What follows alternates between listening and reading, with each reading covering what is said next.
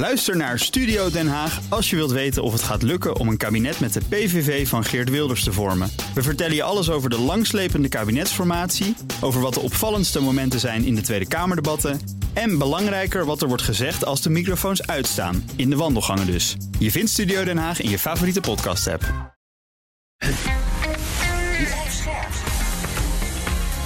BNR Nieuwsradio.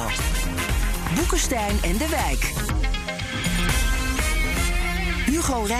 Dit is een extra uitzending van Boekenstein en de Wijk in verband met de oorlog in Oekraïne en de crisis met Rusland. Het is woensdag, dag 133 van de invasie. Hoe gaat het op het slagveld? Nou ja, we hadden het gisteren, uh, jongens, over uh, die uh, operationele pauze die Poetin heeft afgekondigd in een gesprek met Shogu, ja. de minister van Defensie. Nou, dat, als je nou kijkt naar wat er gebeurt, dan, nou, dan gebeurt er wel een hele hoop, behalve pauzeren. Ja. want je moet zien dat de Russen echt bezig zijn om Sloviansk voortdurend aan te vallen met artillerie. die stad die wordt dus hard getroffen.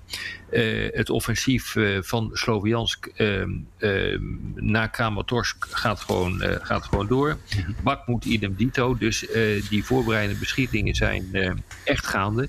Dus wat nou precies die aangekondigde pauze is, dat is mij ook een raadsel. Of er zijn twee mogelijkheden voor. Of hij uh, is bezig met inleidende beschietingen en spaart zijn troepen.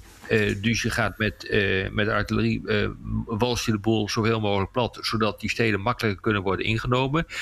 Of het is een aankondiging uh, voor een iets later uh, stadium. Als die hele Donetsk Oblast, die provincie, is, is ingenomen. Ja, huh? dat gaat nog wel even duren. En dat wordt een vers verschrikkelijk bloedige toestand. Je ziet dat steeds. Hè? Ik hoor jullie bijvoorbeeld ook na de, de, de slag om Kiev zeggen. Exact. Nou, nu zouden ze, als ze slim zijn, eventjes moeten recupereren. Ja. En dat doen ze nooit. Het is altijd meteen door. Nee, Nee, maar goed, ik, uh, volgens mij had Arjan ook iets uh, opgediept uh, van de grote kritiek die er is.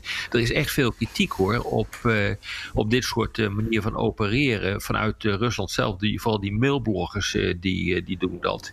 En die zeggen van ja jongens, op deze manier moet je dat niet doen, want de prijs is gewoon te hoog die je ervoor bedenkt. Mm -hmm. maar, kennelijk, maar kennelijk interesseert het is echt geen ruk hoor, wat, hoeveel doden daarbij vallen. Ja, die Russische bloggers, dat is wel een interessante bron. Dat zijn ja. dus pro-oorlog, pro-Rusland. Maar die hebben dus openlijke kritiek op de Russische krijgsmacht. En die zeggen dus, ja, de meeste Oekraïnse soldaten hebben, konden vluchten bij Lysychansk. Had nooit mogen gebeuren. En die lange veldslag, die, die, die langdurige veldslag bij Lysychansk... heeft het Oekraïnse leger de mogelijkheid gegeven om te hergroeperen. En Rusland heeft eigenlijk een veel groter le leger nodig. En ook een, echte oorlogseconomie. Dus die zitten allemaal echt te mopperen. Mm -hmm. Wat ik ook vond, en dat is niet onbelangrijk... ik ben altijd geïnteresseerd in die getallen over die uh, uh, wapens hè, met lange dracht. En vandaag is een rapport uitgekomen van de Duitse denktank... het Kiel Institute for the World Economy. En die zeggen, er wordt te weinig wapens geleverd... te veel op een ad hoc basis. Maar ze noemen ook getallen... Uh, Oekraïne vraagt om duizend houwitsers. En daarvan zijn er nog maar zo'n 182 geleverd. Dan wordt alles bij elkaar opgeteld. En Rusland heeft aan het begin van de oorlog zo'n 2000 houwitsers tot zijn beschikking ja, gehad. Dus, dus tien keer wat de Oekraïners nu geleverd hebben gekregen. Ja. Tja, ja, er zijn natuurlijk wel veel van kapot. Ja. Maar dat geeft wel aan ja. uh, hoe ongelijk het is. Ja.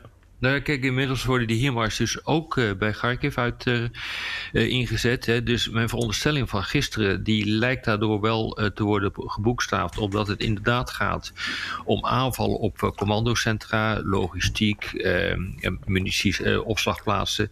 en, en je, dus je, je ziet nu dat dat begint te werken.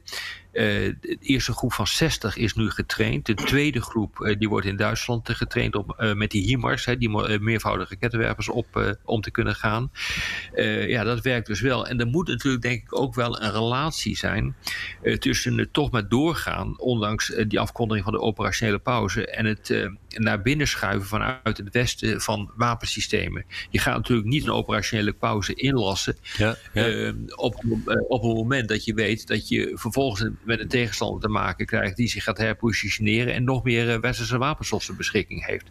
En dat kan dus ook verklaren waarom ze zo hard doorgaan. En de burgemeester van Slovianski heeft nu ook gezegd wegwezen. En dat zijn dus 350.000 burgers hè, die moeten nu die moeten evacueren op dit ogenblik.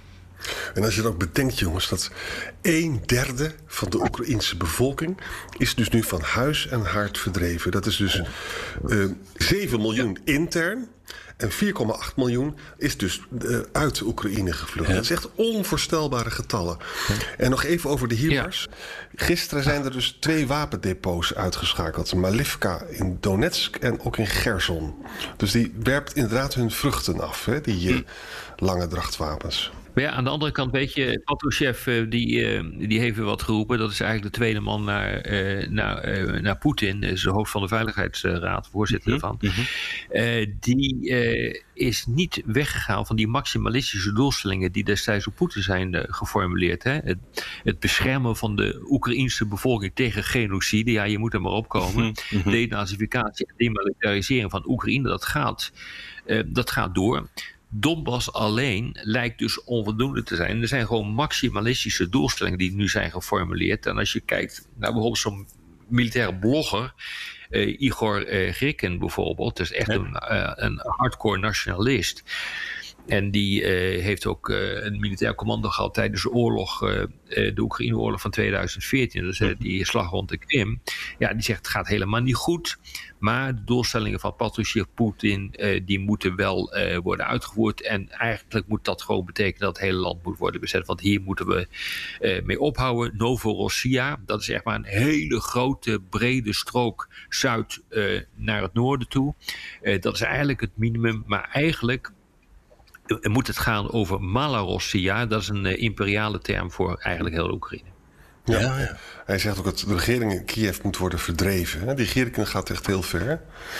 Ja. Verder is er in Rusland zelf is er wel sprake van. Ja, maar, uh, sorry, maar no, nog even. Want uh, we hadden het eerder vaak over van, nou ja, als Rusland dan de Donbass heeft, dan sturen ze misschien aan op een wapenstilstand.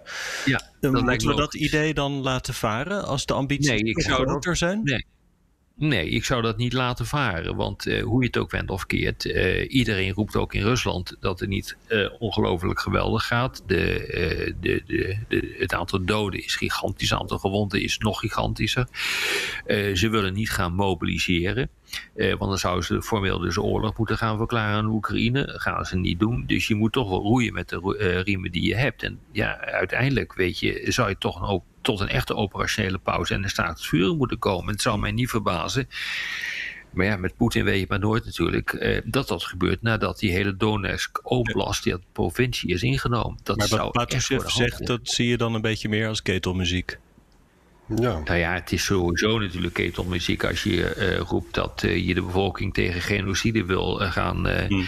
beschermen, terwijl je daar zo, zelfs zo ongeveer mee bezig bent. Dus dat lijkt mij inderdaad ketelmuziek. Ja. En het is ook nog maar de vraag hè, of die het hele Donetsk voor elkaar kan krijgen. Want zo geweldig mm. gaat het ook allemaal niet in Rusland. Daar hebben ze nog maar de helft van of zo. Nee, maar kijk, Jan, kijk eens even naar de kaart. En dan zie je dat er maar heel weinig grote steden zijn. Nou, als je Sloviansk en Kramatorsk hebt, dan heb je het, ja. dat soort steden. Ja, weet je, als je ook eens even, ik, ik ken dat gebied niet, maar als je kijkt op Google Earth wat dat is, dat is gewoon een grote vlakke pannenkoek met, met waar, landbouw wordt uh, gepleegd. Uh, dat is ook wel lastig hoor, want ja, nu hoor ik weer allerlei geleerden die roepen van uh, nou nee, uh, wat nu gaat gebeuren, dat zal, een, dat zal in het voordeel zijn van Oekraïne. Nou, Oekraïne heeft altijd gezegd, wij proberen die, die, die, die, die oorlog tot de steden te beperken, want daar zijn wij veel beter dan, dan Rusland. En nu wordt er ineens gezegd, Oekraïne is in het voordeel als ze gaan vechten op die platte pannenkoek. Nou, dat lijkt mij dus ook buitengewoon merkwaardig. Ik, mm. Volgens mij, weet je, gaat dit gewoon door. Uh, pakt uiteindelijk stap voor stap zal Rusland die hele Donetsk-oblast eh, in, eh, onder controle krijgen. Ik denk dat dat echt een eh, veilige conclusie is die je kunt, kunt trekken. Ja, Arjan, jij ging iets vertellen over Rusland toen ik je in de reden viel. Ja, dat is wel interessant hoor. In Rusland zelf, daar hoor je bijna nooit wat over. Hè? Maar er bestaat dus zo'n uh, zo'n YouTube-filmpje, Inside Russia, ja. in, het, uh, uh, in het Russisch. En daar wordt dus gezegd dat er nu 23 aanvallen zijn, hebben plaatsgevonden tegen recruitment centers. Om mensen dus voor de oorlog uh, in te kunnen zetten. Geborven, ja. En ook treinrails worden kapot gemaakt. En dat gebeurt ja. door een, door een amal, amalgam, dus door een mix van anarchisten, pro-Oekraïnse groeperingen en ook ultra-rechtse groepen. Oh.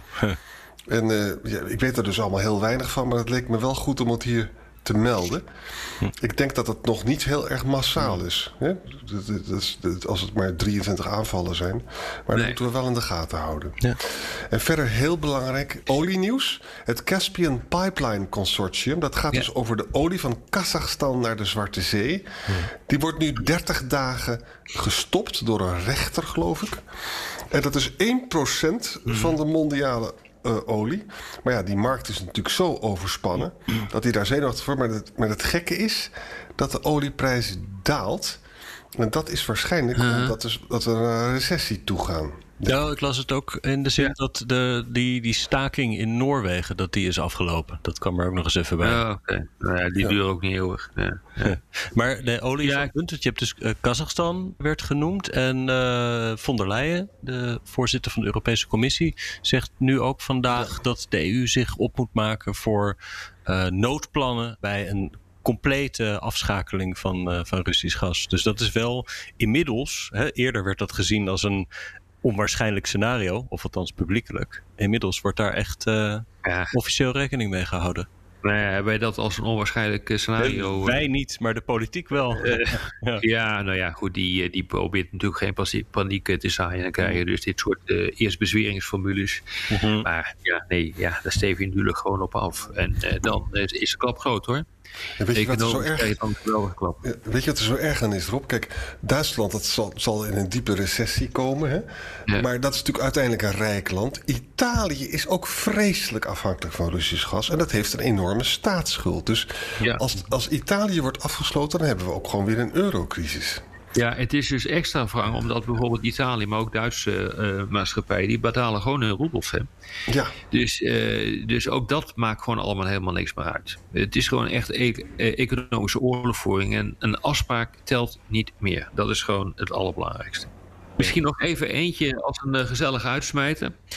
En dan heb ik het niet over het uh, internationale uh, Space Station, uh, waar drie cosmonauten lekker zich laten fotograferen met de vlag om hun schouders van de Volksrepublieken Donetsk en Luhansk. Hè, omdat ze toch de bevrijding ook in de ruimte moeten, ja.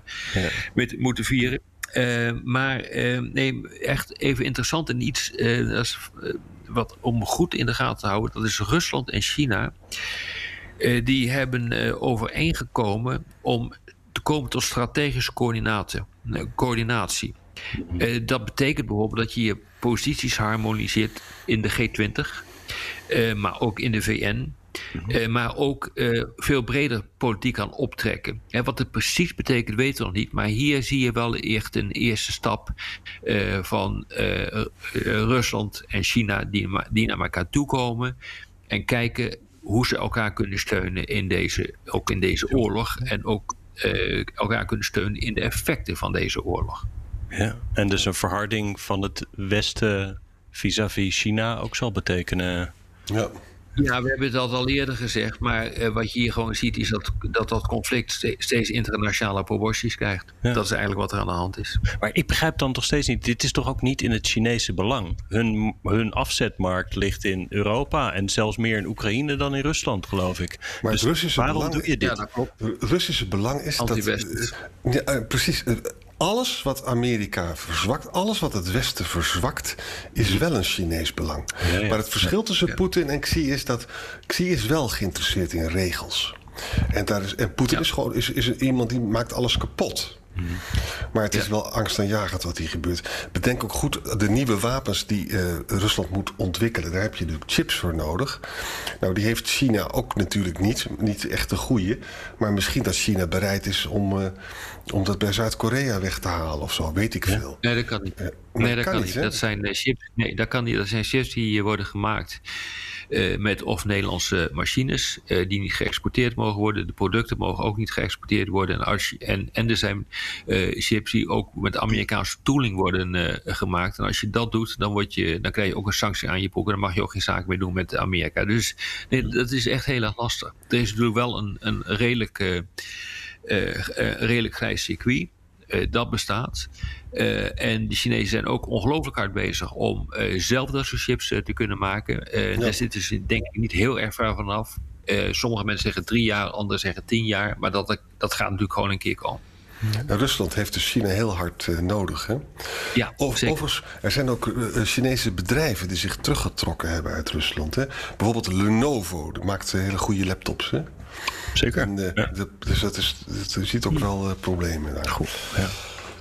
Weten we eigenlijk of Xi en Poetin het persoonlijk goed met elkaar kunnen vinden? Het zijn natuurlijk al twee ja, jaren knakkers. Ze hebben elkaar volgens mij al dertig keer ontmoet, iets in die geest. Dus hm. dat schijnt best wel oké okay te gaan. Ja.